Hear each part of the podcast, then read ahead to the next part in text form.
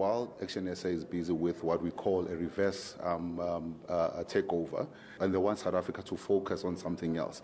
There's no um, division between us and uh, Mayor um, Popalas. You remember the Democratic Alliance paid a hefty price in going to court and to reverse the situation. None of them were there.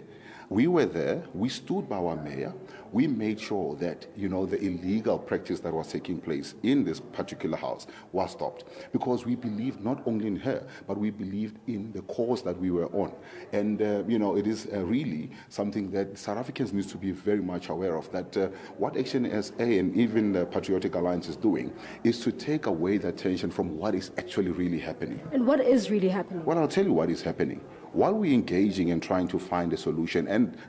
our letters are there for the public to see in terms of what we've been saying, in terms of the positions that we had, uh, that we were willing to offer.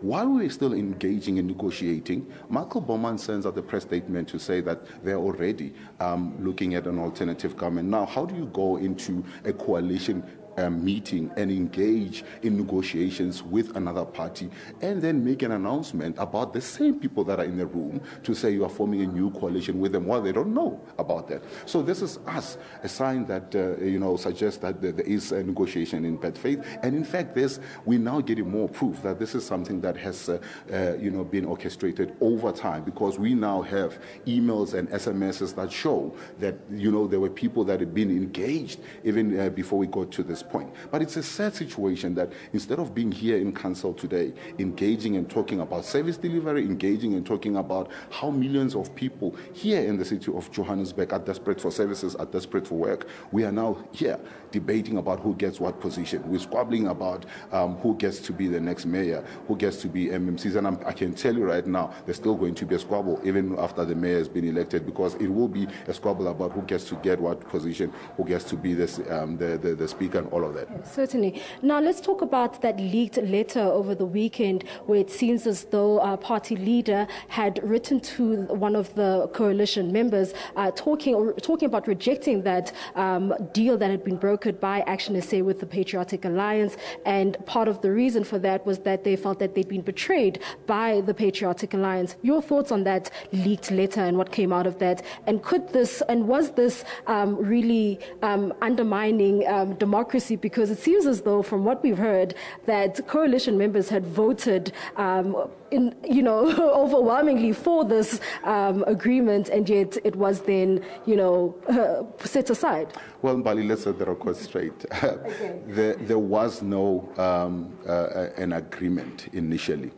It was a proposal that was on the table. It's on record. Zoom, Zoom uh, meetings are recorded. If that you know, can be requested of the chairperson, I'm sure South Africans would love to hear that. There was a recording whereby it was the first proposal we came up with a second proposal. The second proposal was that, um, you know, we will not we can give them two uh, MMC positions here. Yeah, we can give them two MMC positions in the city of of, of Ekurhuleni. But there was a there was a, there was there was an uneasiness on one portfolio that they wanted. That was the conversation. That is information. Now, when I talk about people engaging in bad faith, to push certain partners, you know, to make a decision. A letter is then leaked. A letter that is privately written to the committee to then say, this is the consensus. We didn't go out and publish our consensus. We wrote specifically to, um, you know, to the committee to then say, these are things that we would want to have discussed.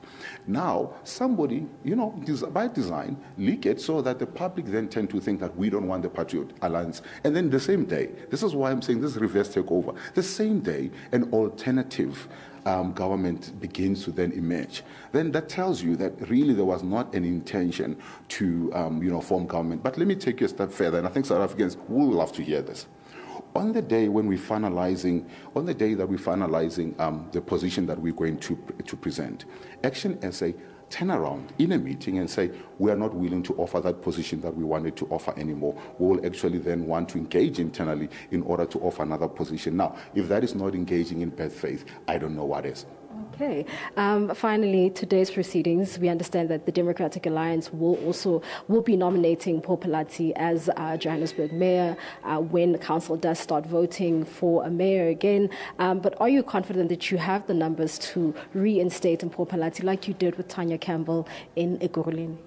Well, we have engaged uh, with our partners. Um, we hope that it, it will hold. Um, our partners have indicated that they will be voting with us, and if they do vote with us and certain things do happen in council, Council, we should then go through the first round and we'll then take it up from the second, uh, we'll then look into what happens in the second round. And that was DA leader uh, Solim Simanga speaking outside the Joburg Council chambers in Bramfontein.